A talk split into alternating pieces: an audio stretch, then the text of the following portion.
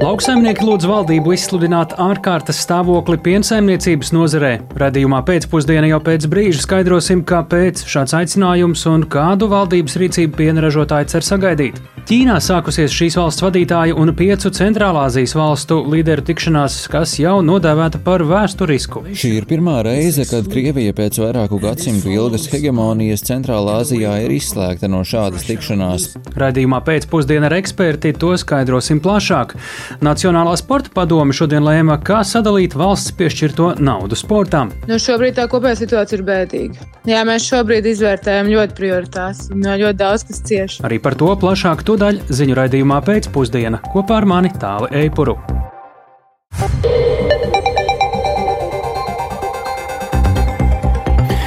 Pūkstens rāda 16,5 minūtes, skan pēcpusdienas ziņu programma, skaidrojot šodienas svarīgus notikumus. Studijā tālāk Eipurs. Labdien! Kuras trūkstošo finansējumu veselības nozarei, lai nodrošinātu nepieciešamākos veselības jomas pakalpojumus? Par to šodien premjerministrs Krišjāns Kariņš no jaunās vienotības detalizēts sprieda ar veselības aprūpas un pacientu organizāciju pārstāvjiem un nozaru ministriem. Lai pakalpojumu spektru nepasliktinātu, trūkstošos 140 miljonus eiro valdība jau jūnijā centīsies pārdalīt no citu ministriju programmām. Vairāk Jāņa Kīņša ierakstā. Saruna ar vairāk nekā desmit veselības aprūpas un pacientu organizāciju pārstāvjiem apliecinājusi, ka veselības aprūpas problēmas ir visas valdības atbildība ne tikai vārdos, un tās nepaliks nerisinātas. To uzsvēra veselības ministre Līga Meģelsone, kura deleģēta no apvienotā saraksta izskanēja rūpes un apzināšana. Un tieši tāpēc mēs vēlreiz esam likuši gan ambulatāro pakalpojumu pieejamības jautājumu, un tur ir, kā saka, izreikināts līdz, līdz katram centam, gan stacionāro gultas dienu tarifa indeksācija, gan zobārstniecība bērniem, gan kompensējumie medikamenti gan ģimenes ārstu prakšu stiprināšana, gan laboratorija izmeklējuma deficīts. Tā nav tikai kāda veselības ministrijas, nezinu, iegriba vai vēlme, bet kopēja interese par veselu nāciju kopumā. Papildu uzmanību veselības nozares finansējuma problēmām šonadēļ pievērsa finanšu ministra nesaudzīgā kritika veselības ministrijai par reformu plānu un vienotu datu trūkumu. Pēc Menģelsons domām šīs dienas saruna apliecinājums, ka visi sēž pie viena galda. Ļoti daudz arī tādu stereotipu, ļoti daudz mītu, nezinu par, par veselību kā melno caurumu, kur pazūd nauda vai vēl kaut kā. Bet tam melniem caurumam ir konkrēts uh, personas kods, un, un tas ir konkrēti cilvēki, kas ir izārstēti, izglābti. Un, un tur nav stāsts par, par, par, par pārvaldību vai, vai nekontroli. Tur drīzāk ir stāsts par tikai un vienīgi par to, ka mums fundamentāli daudzu gadu garumā ir ļoti nenofinansēta veselības aprūpe. Un tieši tāpēc arī šodien sanāksim bija ļoti vērtīga, ka mēs tiešām izrunājām aci pret aci un, un iespējams, ka tādā veidā arī šos mītus arī mazinājām. Pirms šīs tikšanās veselības aprūpas organizācijas pieprasīja līdz 1. jūlijam rast papildu 140 miljonus eiro finansējumu veselības nozares nosauktajām pamatvajadzībām līdz gada beigām, kā arī pacientu līdzmaksājumu un rindu mazināšanai. Šis naudas iztrūkums radies inflācijas dēļ, un tas risināms ar naudas pārdalēm no citu jomu ministrijām. Tām šie plāni jāsagatavo līdz nākamajai piekdienai, un valdība tiem pievērsīsies jūnija otrajā pusē, pauda premjerministrs Krišņāns Kariņš no jaunās vienotības. Es prognozēju, ka būs politiski grūts process, kur notiks smagas eh, diskusijas politiskā līmenī, ka mums šī programmas finansējums ir jāpārvirza citai programmai. Un es minu, ka pie katras individuālās programmas man būs kaismīgas runas, eh, liela aizstāvība un iespējams, ka viena sabiedrības daļa pretestība, to taču nedrīkst darīt. Bet, ja mūsu veselības aprūpes sistēma sāk eh, nu, ķerties, tad tam ir ļoti tālējošas sekas eh, visā sabiedrībā, visā ekonomikā. Nebija cerību jau šajā sarunā panākt konkrētus risinājumus finansējuma trūkumam, taču valdībai virziens šī uzdevuma īstenošanai ir skaidrs, uzsvēra Latvijas Jauno ārstu asociācijas vadītājs Artūrs Šilovs. Nu, ir tāda nedaudz vilšanās, jo nu, gribās jau to konkrēto rezultātu. No otras puses, mēs aizskārām šodien ļoti daudzas tēmas, gan par to, kā ir sasaistīta nodokļu nomaksāšana ar veselības aprūpas pakalpojumu pieejamību. Skaidrs ir šobrīd viens, mēs turpinam turēt roku uz pulsa.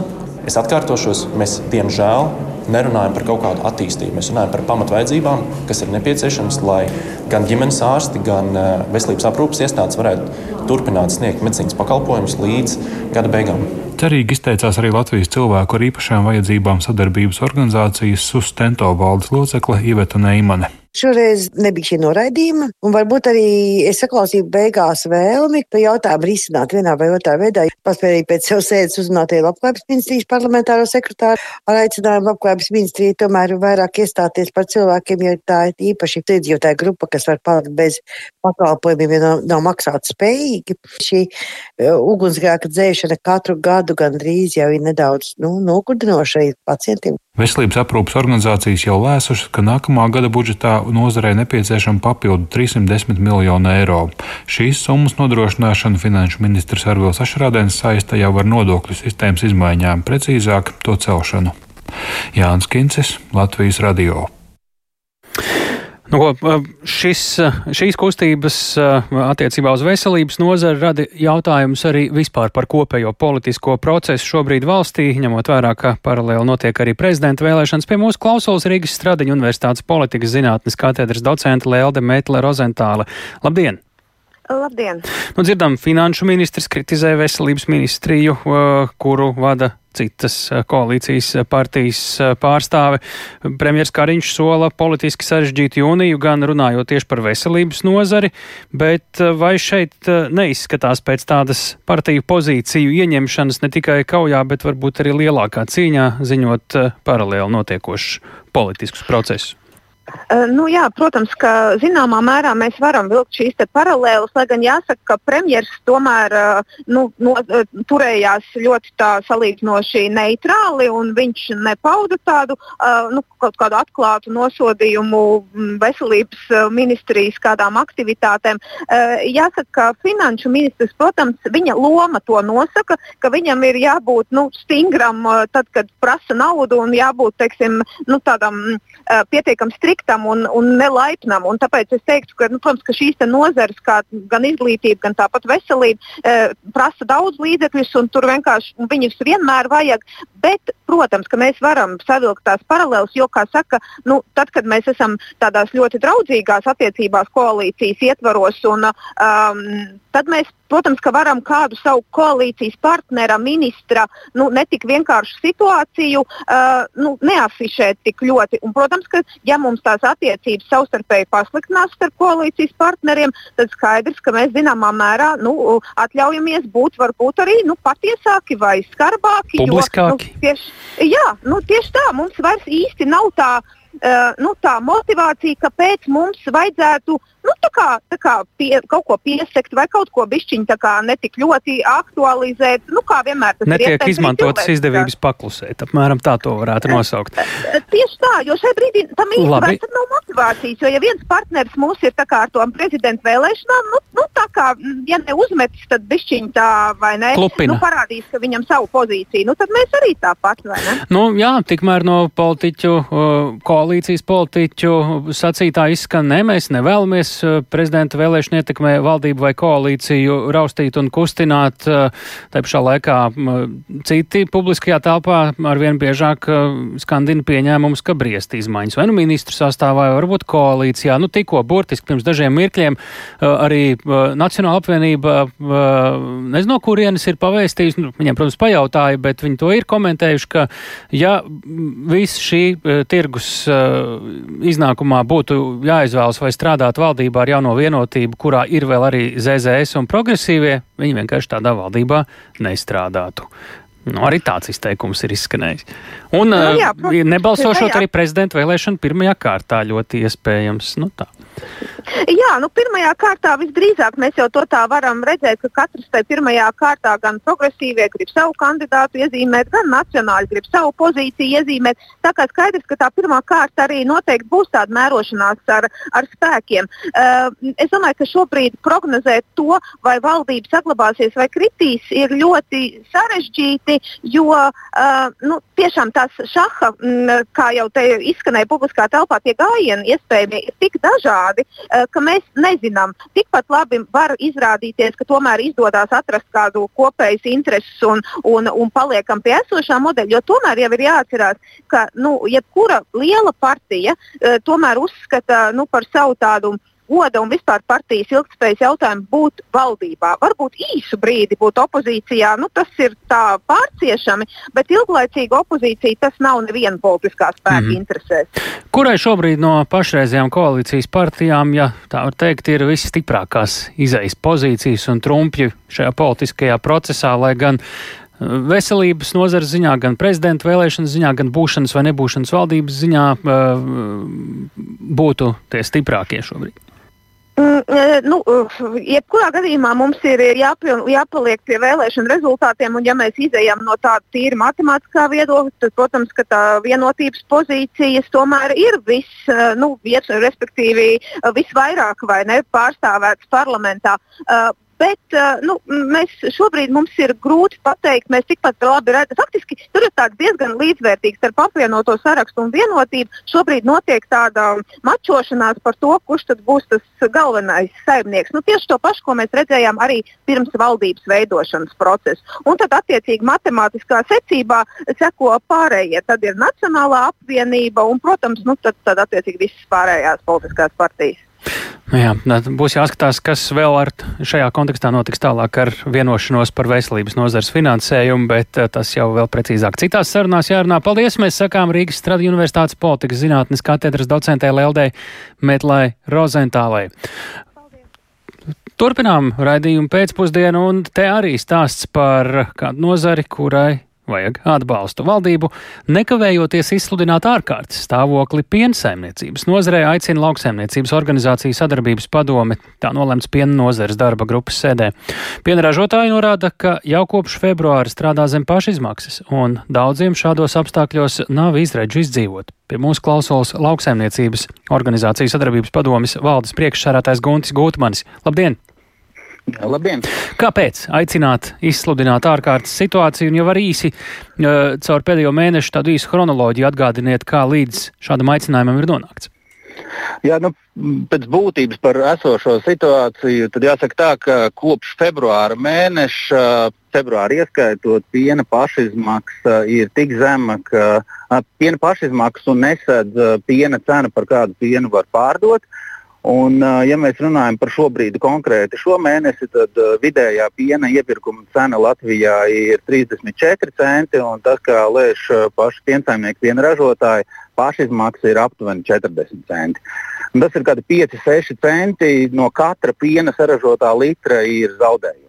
Un, un tā situācija, kas bija februāra mēnesī, kad bija informatīvais ziņojums sagatavots no ministrijas, Tā cerība, protams, bija, ka vai nu, vai nu būs kaut kāda iespēja saņemt kaut kādu finansējumu palīdzību no Eiropas kopējā budžeta, vai arī piena nozarē situācija uzlabosies, bet nu, jau četri mēneši ir tik slikti, ka mēs uzskatām, ka ilgtermiņā tā vairāk nu, mēs nevaram izturēt.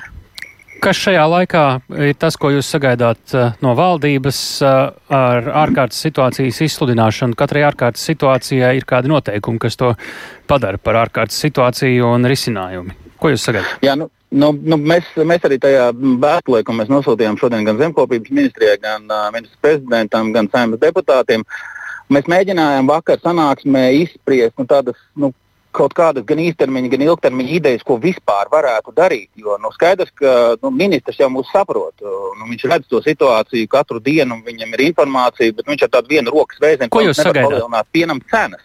Kāpēc ārkārtas situācija? Tas ir būtiski, tāpēc, ka ir vairākas lietas, kur varētu būt tāda īstermiņa palīdzība tieši piena ražotājiem. Kāda? Tas būtu gan, gan saistīta ārkārtas situācijā, ir iespēja runāt ar valsti, piemēram, ar valsts ieņēmumu dienestu par kaut kādu nodokļu nomaksas atlikšanu. Tie ir dažādi realizētie projekti, kuros ir sasniedzamie rādītāji. Pie šādām cenām tādus rādītājus sasniegt nevarēs. Tur varēs prasīt kaut kādus pārgarinājumus ārkārtas situācijā. Uh, nu, tās ir tās lietas, kur mums šķiet, ka varētu panākt pretī arī, piemēram, banku kredītu maksājumu atlikšanas un tādas lietas. Tas ir tas, kas ir ārkārtas situācijā iespējams runāt, lai vienkārši tās saimniecības nenonāktu uz bankrotu. Nu, vienkārši tādā ziņā, lai viņas nepārdotu uzreiz un tagad. Uh, kā tas bieži vien uh, gadās. Un, uh, nu, mēs pat esam nākuši jau tik tālu, ka, nu, kas man liekas ir vissliktākais, bet ko piensaimnieki šobrīd saka, uh, nu, maksājam līdzīgas kompensācijas kā par cukuru un slēdzamies ciet, neražojam. Nu, neradam vēl lielākas problēmas un vēl lielākus zaudējumus. Nu, tā, Šobrīd tā, cik daudz uh, no, nu, es nezinu, mēs varam dalīt pēc ražošanas apjoma vai pēc uh, ražotāju skaita, uh, lai radiet priekšstatu, cik daudzi pēc kāda laika varētu būt cieti, ja nekas nemainās? Oh, man grūti prognozēt to, kas varēs ko, mm, cik ilgi pavilkt. Nu, tādā ziņā mēs esam saražojuši, protams, pārtiku kaut kādai laikam pagājušā gada kukurūzu zāli, ko mēs kādu brīdi ražojam, nu, turpinam ēdināt govis. Bet mēs saprotam, ka gan mazām saimniecībām, gan lielām tas ikmēneša zaudējums, nu, viņām abām ir vienādi sāpīgi. Mazām ir mīnusi un grūtāk apgrozāmie līdzekļi vispārējais. Lielajām saimniecībām vienkārši tie zaudējumi ir milzīgi lielāki. Tādā ziņā nu, neviens nav labā situācijā. Uh, Un vienkārši vienā brīdī nu, liela daļa nolems taisīties ciet. Un tas ir tas, ko mēs negribam, lai, lai ilgtermiņā tas, tā, tā situācija būtu tāda, ka mēs paliekam bez piena apgādes valstī. Tas ir tas būtiskais. Lielas paldies par sarunu. To mēs sakām Guntim Gūtmanim. Pie mūsu klausulas bija lauksaimniecības organizācijas sadarbības padomas valdes priekšsēdētājs. Vai Latvijā nākotnē pietiks skolotāju? Šādu jautājumu liek uzdot aptauja, kurā otro gadu pēc kārtas izglītības uzņēmums Lielvārds apzina, kā pedagogi jūtas savā profesijā. Ja vēl pērn sevi skolotāja profesijā arī pēc pieciem gadiem redzēja vairāk nekā pusi aptaujāto, jeb 56% pedagoģu, tad šobrīd tie ir vairs tikai 40%. Aptaujā skolotāji akcentē virkni problēmu jautājumu, un par to pirms brīža kolēģi Dats Piekšēna sarunājās ar uzņēmumu Lielvārds eh, kompetences centra vadītāju Danu Narvaišu, un vispirms jautājot par izmaiņām salīdzinājumā ar iepriekšējo gadu daudz vairāk skolotāji jūtas noguruši, nenovērtāti, mazāk redz sevi profesijā pēc pieciem gadiem, uzskata, ka profesijas prestižs ir arī krities, bet tā datu izmaiņa ir visai liela. Vidēji tā atšķirība ir pat 10, 15, 16 procenti, ka ir bijis šis kritums atbildēs. Kā tika ievākt šie dati, cik reprezentatīvi tie ir? Šajā gadā mums ir piedalījušies vairāk kā 960 skolotāji. Pagājušā gadā skaits bija lielāks, bija 1400, bet tas, kas ir ārkārtīgi svarīgi, ka mēs redzam, ka ir pārstāvēta visa Latvija, ir pārstāvēti gan visi vecumposmi, gan uh, dažādi darba stāži, ne tikai jauni un vecāki gadi gājumi skolotāji, bet arī no darba stāža jauni skolotāji un jau ar krietnu pieredzi. Tā kā tādā ziņā mēs varētu teikt, ka tiešām šis pētījums reprezentē ļoti plašu skolotāju loku kas, protams, vēl arī parādās, nu, kas iespējams arī ir ietekmējuši vēlmi piedalīties. Tad, kad jautājām par profesijas prestižu, skolotāji pamatoja, ka tas status sabiedrībā ir krities tieši Tādēļ, nu, kā mēs runājam par skolotāju profesiju, mēdījos, sabiedrībā, kā publiski apspriežam jā, skolotāju darba algas, un nav stāsts par to, ka algas nav jāpalielina, un, un ir skolotāji novērtē, ka ir notiek šī cīņa, varētu teikt, par korektu un cīņpilnu atalgojumu, bet vairāk tas, ko skolotāji norāda, nu, ka tas formāts, kā mēs mēdzam runāt par skolotājiem, par skolotāju darbu, tomēr rada sajūtu, ka tas nerada godu šim amatam. Proti, tieši skolotāja prestižu vairāk ietekmē attieksme, ne tik daudz atalgojums. Jā, nu, atalgojums noteikti ir nozīmīgs faktors pie motivatoriem, bet tas, kas ir interesanti, mēs jautājām skolotājiem, kas tad skolotājs motivē. Pārliecinoši atbildi ir skolēni un arī aizrautība un, un, un patika pret savu mācību priekšmetu, bet kas demotivē. Otrajā vietā bija, protams, atalgojums, bet pirmajā vietā bija mācību resursu trūkums, kas demotivē. Bet tas bija vairāk pie demotivatoriem, tā kā mēs varam mēģināt vilkt paralēlus, tomēr vairāk tieši tajos komentāros Protams, cieņpilns atalgojums parādījās, bet bieži vien bija tieši tā attieksme, tika pieminēta vecāku attieksme, skolēnu attieksme, un skolēnu attieksme kopumā parādās vairākos jautājumos pie komentāriem, ka ir būtiski mainījusies skolēnu motivācija, tāda lielāka visatļautība, skolotāji lieto šādu vārdu, necieņa, necieņas izrādīšana un uh, vecāka aizstāvība un kā skolēnu pusē. Un nav stāsts par to, ka vecākiem ir savs bērns jāaizstāv, bet nu, vairāk par to, ka neveidojas šī sadarbība. Tā kā jā, varētu teikt, ka drīzāk šī attieksmes lieta būtiskāk ietekmē arī to sajūtu par statusu. Un visbeidzot, ko ar šo visu iesākt, kā to situāciju uzlabot? Tas, kā mēs redzam šo situāciju pētījumā, nu, ka krīze ir jau sākusies, krīze notiek, un, protams, ka ir jāpalielina šis atalgojums, bet ļoti skaidri iezīmēs, ka ar to vien nepietiek, ir jākārtos nu, sistemātiski un sistēmiski uh, gan tie paši mācību līdzekļu trūkumi, sakārtot tās skolas, gan uh, skolotāji norāda, ka ir svarīgi, ka, protams, ir uh, arī mācību resursi pieejami, tad, tad nu, elementāri papīri un, un, un vispārējais, kas ir nepieciešams, lai mācības nodrošinātu digitālās tehnoloģijas. Tas, kas mūs visvairāk satrauc, ka ir palielinājies to skolotāju skaits, kuri neredz sevi profesijā pēc pieciem gadiem. Bet katrs piektais nevien neredz, bet jau meklē darbu citā profesijā. Tā kā ir pēdējais brīdis kaut ko darīt, kaut ko mainīt. Un visaktīvāk darbu meklē skolotāji, kuru darba stāsts ir no 6 līdz 20 gadiem, kas nozīmē pieredzējuši skolotāji un tādi, kuriem vēl ir ko dot, vēl ir ilgs laiks ko veltīt izglītībai, tad šie ir tie skolotāji, kur meklē jau izēju ārā no izglītības sistēmas, lai strādātu citā jomā. Tā uzņēmuma lielvārds kompetences centra vadītāja Dana Narvaiša sarunā ar kolēģi Dāci Pēkšēnu. Bet šogad eh, Latvija joprojām Eiropas līderos noslīkušo skaita ziņā iestādes dienestu un eksperti meklē risinājumus un būtiski kavēšanās ar valsts naudas sadali sportam. Par to šodien lēma Nacionālā sporta padome šie un citi temati tuvākajās minūtēs redzījumā pēcpusdienā.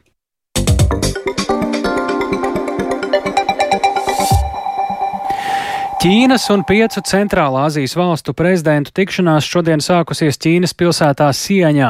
Viens no sanāksmes mērķiem ir stiprināt Ķīnas ekonomisko un politisko ietekmi Centrālā Azijas reģionā, ko līdz šim bija pieņemts uzskatīt par Krievijas ietekmes sfēru.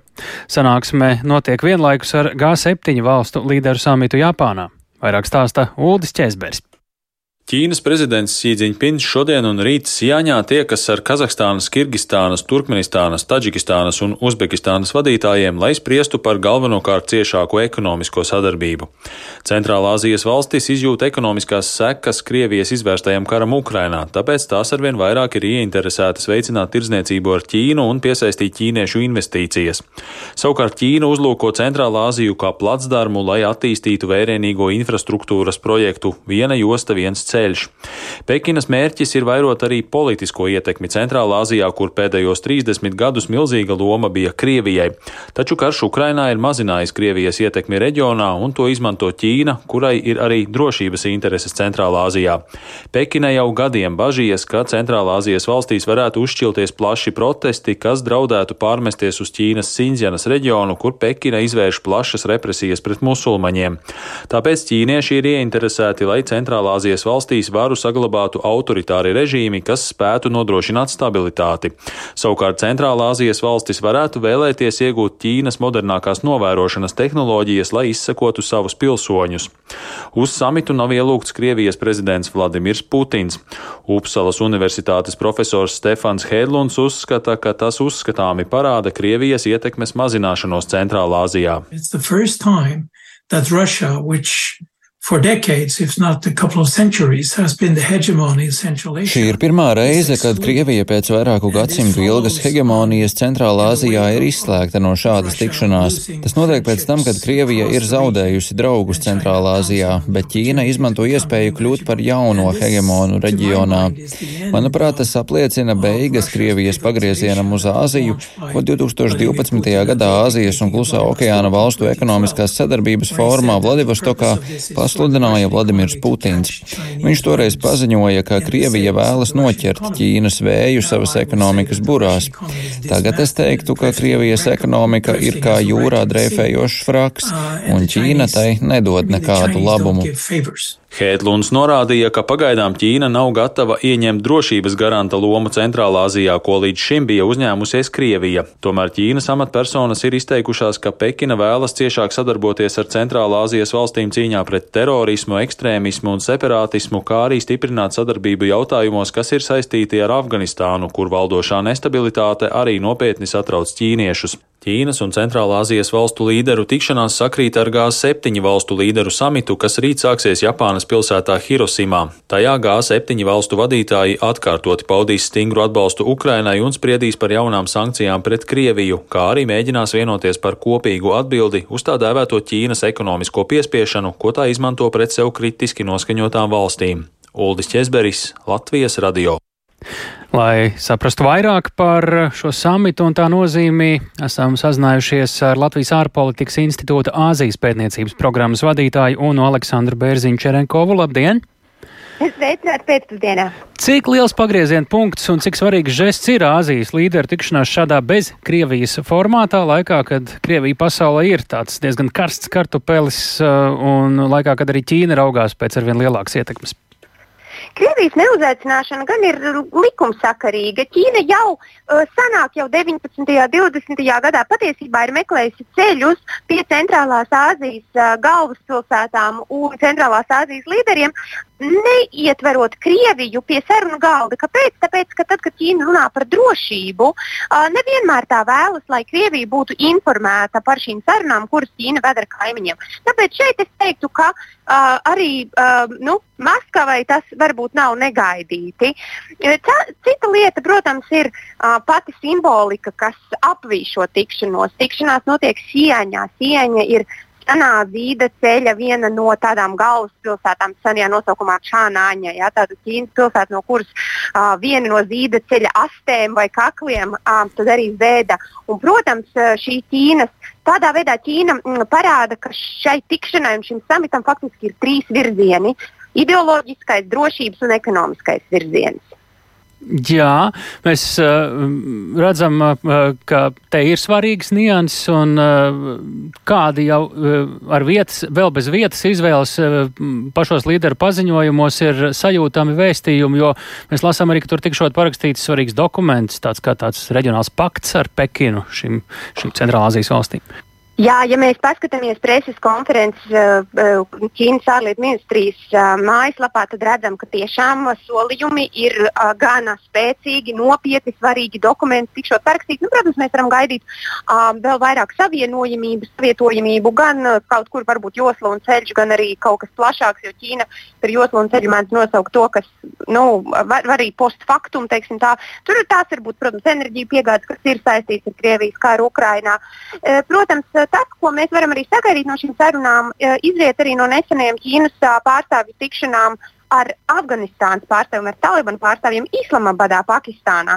Tur izskanēja šī rūpe un bāžas par reģionālo drošību. Faktiski nu, tāds mēģinājums solīt uh, talibiem ekonomisko sadarbību apmaiņā pret uh, nesadarbošanos un neatbalstīšanu tātad Ķīnas trīs nē, ja, slavenie, kas arī parādījās jūsu sižetā - terorisms, ekstrēmisms, separātisms neatbalstīt uiguru šīs te, organizācijas Ķīnas iekšienē un, protams, arī mēģināt nodrošināt, cik to tālāk mm -hmm. var nodrošināt drošību arī pašā Afganistānā. Faktiski tie motīvi, protams, saglabājās. Un jāsaka, ka Ķīna jau skata reģionu plašāk. Jā, no vienas puses tās ir piecas centrālās, Azijas valsts, bet no otras puses Ķīna uh, citos gadījumos iekļaut tajā arī Afganistānu un pat Pakistānu, tad, kad tas ir uh, saistīts ar ekonomiskajiem savienojumības ceļiem. Jā, mums apmēram minūte, ja varbūt var galvenajā uzsvarā pateikt, kas, protams, mūsu reģionā mūsu interesē.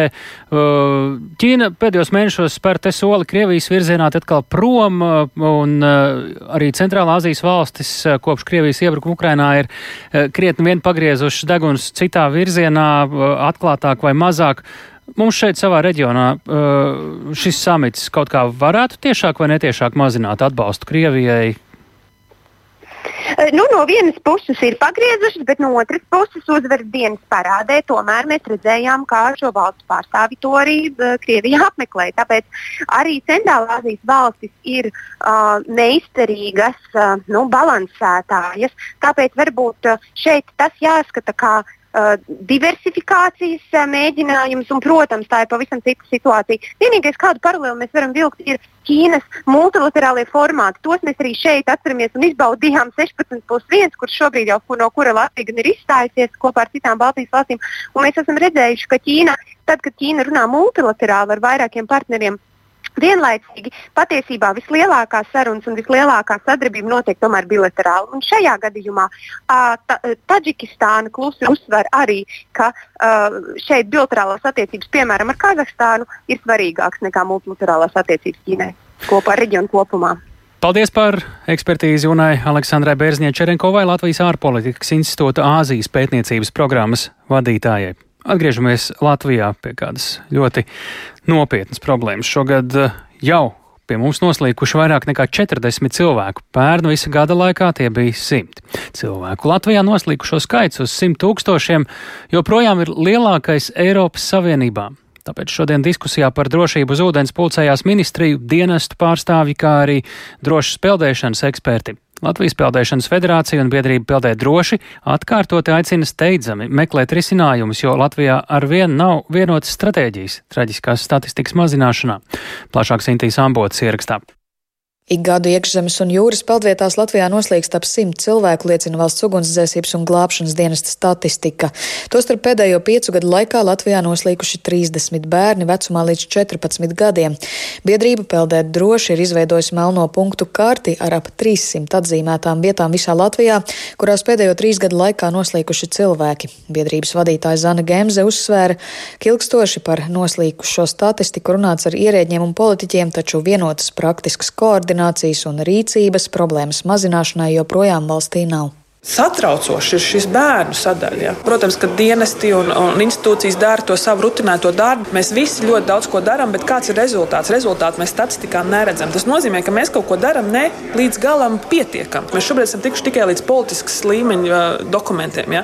bet realitātē ne nauda, ne rīcības plāni, ja, ne reālā fiziskā izveide. Šobrīd biedrība vienīgā to dara. Ja. Un tas īsti jā, nedod nekādu rezultātu, jo mēs nevaram tik lielu ietekmi radīt. Diskusijas dalībnieki secināja, ka pat labam gan pietrūkst bojā gājušo slīkšanas iemeslu analīzes.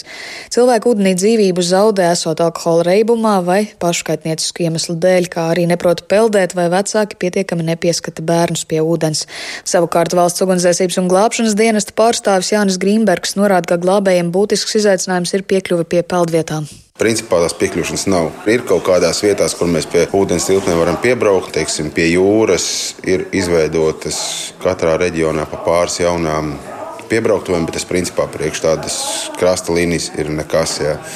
Un, bet tā situācija tāda ir arī oficiālajās peldvietās? Jā, tas ir jebkurā mm. gadījumā. Tas, ka tur ir peldvieta, tur ir lielākā daļā gadījumu viņi pie viņas var pieiet, piebraukt ar riteni, bet ar šo smago tehniku, ar piekabi, ar laivu, tā ir ļoti liela problēma. Tāpēc eh, jāievēro visi nosacījumi, lai tiem glābējiem nebūtu jābrauc. Jābūt vestei, jābūt eh, pieskatīšanai, jābūt atbilstošai peldēšanas temperatūrai, prasmei, visām lietām. Drošas peldēšanas eksperti jau pirms četriem gadiem vērsuši sabiedrības uzmanību lieliem noslīkušo skaitam.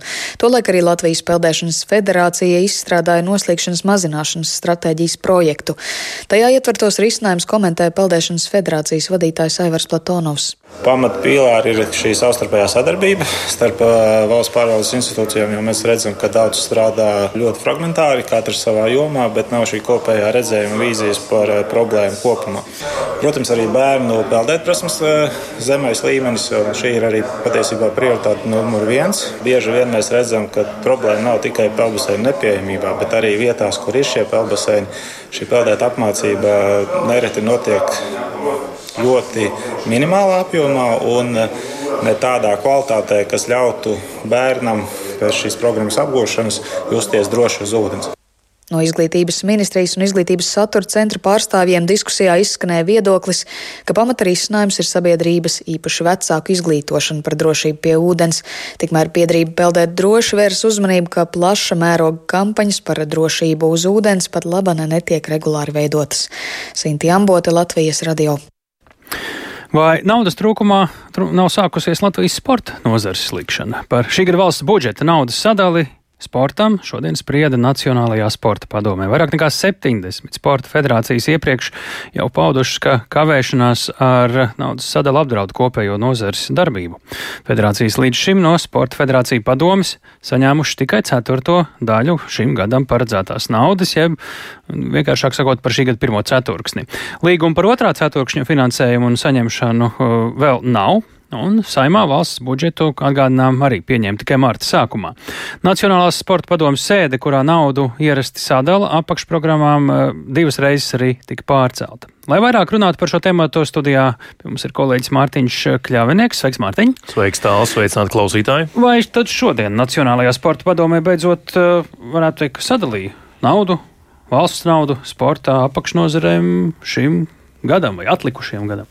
Jā, no oficiāla paziņojuma vismaz līdz um, maniem saziņas kanāliem tā, tāds vēl nav atnācis par to, jā vai nē, bet uh, cik es noskaidroju, neoficiāli tad jā, konceptuāli vienošanās ir panākt, ka beidzot tā sadala notiks un beidzot visas nu, puses, nu, ja nu nebūs gluži apmierināts, jo tomēr tas ir ievilcies jau ļoti ilgi, tad vismaz to naudu, kas bija jāsaņem jau aprīlī, tā tiks saņemta tagad, tuvākajā laikā. Cerams, ka tā notiks. Hmm.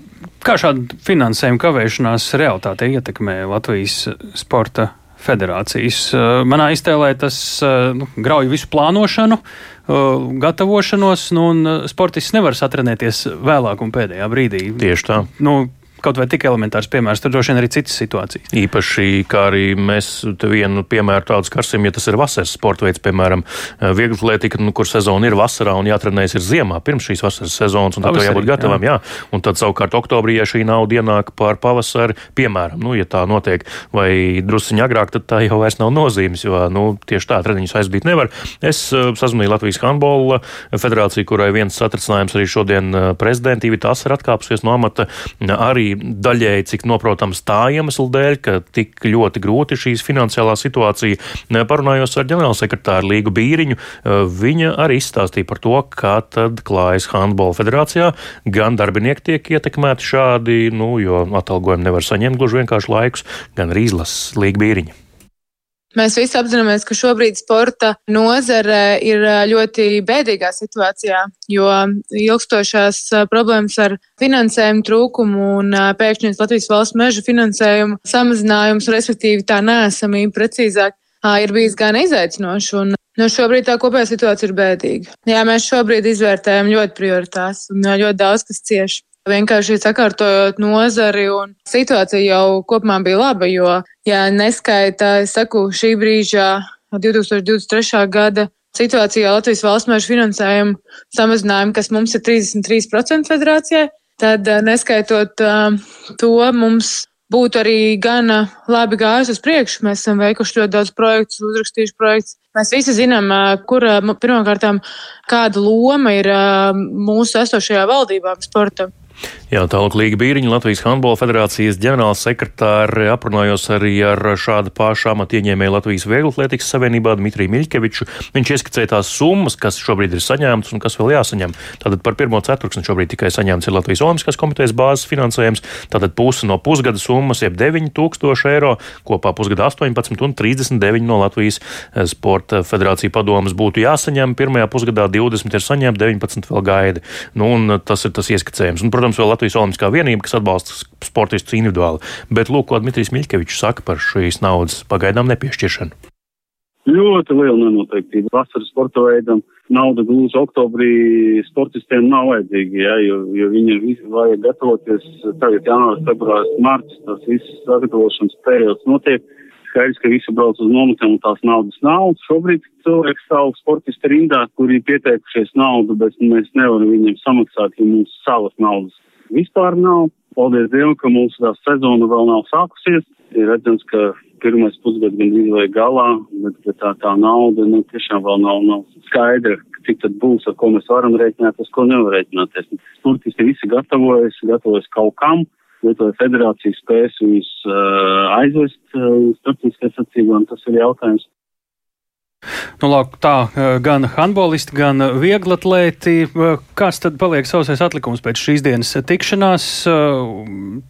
Izskatās, ka risinājumi būs un vairs nebūs pamata tik īgnajām intonācijām vai Jā, nu, ja tie līgumi tiešām tiks parakstīti, naudu piešķirt, tad eh, šobrīd nē, bet eh, nu, līdz tam vēl ir jānonāk. Eh, jo, kā arī Dmitrijs Miļkevičs izteicās, arī tur aizkadrā pēc tam nav jau zināms. Nu, jā, ir zināms, ka ir kaut kāda papildu nauda pieejama, cik tā daudz, cik tā liela, kam to dalīs, kā dalīs pēc kādiem principiem. Tas viss ir ļoti neskaidrs. Un, nu, federācijas ir, nu, protams, sašutušas, satrauktas šajā gadījumā, un tur vēl, protams, varētu būt interesanti. Cik es sapratu, runa ir par aptuveni 5,6 miljoniem, kas karājas gaisā arī jāpiešķir dažādiem pasākumiem, kas jārīko Latvijā, nu, gal galā sacensībām, kas notiek mm. Latvijā dažādas arī vietējā mēroga, un nu, tās vienkārši nevar notikt, jo naudas nav. Mm, un tās nevar arī saplānot.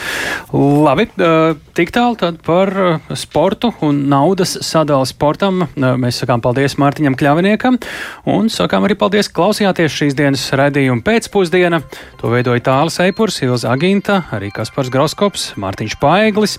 Šis ir raidījums, kuru varat klausīties katru darba dienu pēc ziņām pulksteņa 4 un 5 minūtēs, un šis ir raidījums, kuru, kuru varat klausīties arī Latvijas radio mobilajā lietotnē. Gan tieši raidē, gan arī pēc tam, gan arī dalīties ar citiem, ja uzskatāt, ka ir bijis kas svarīgs, kas citiem būtu jādzird. Mēs tiekamies rīt, visu labu! Yeah.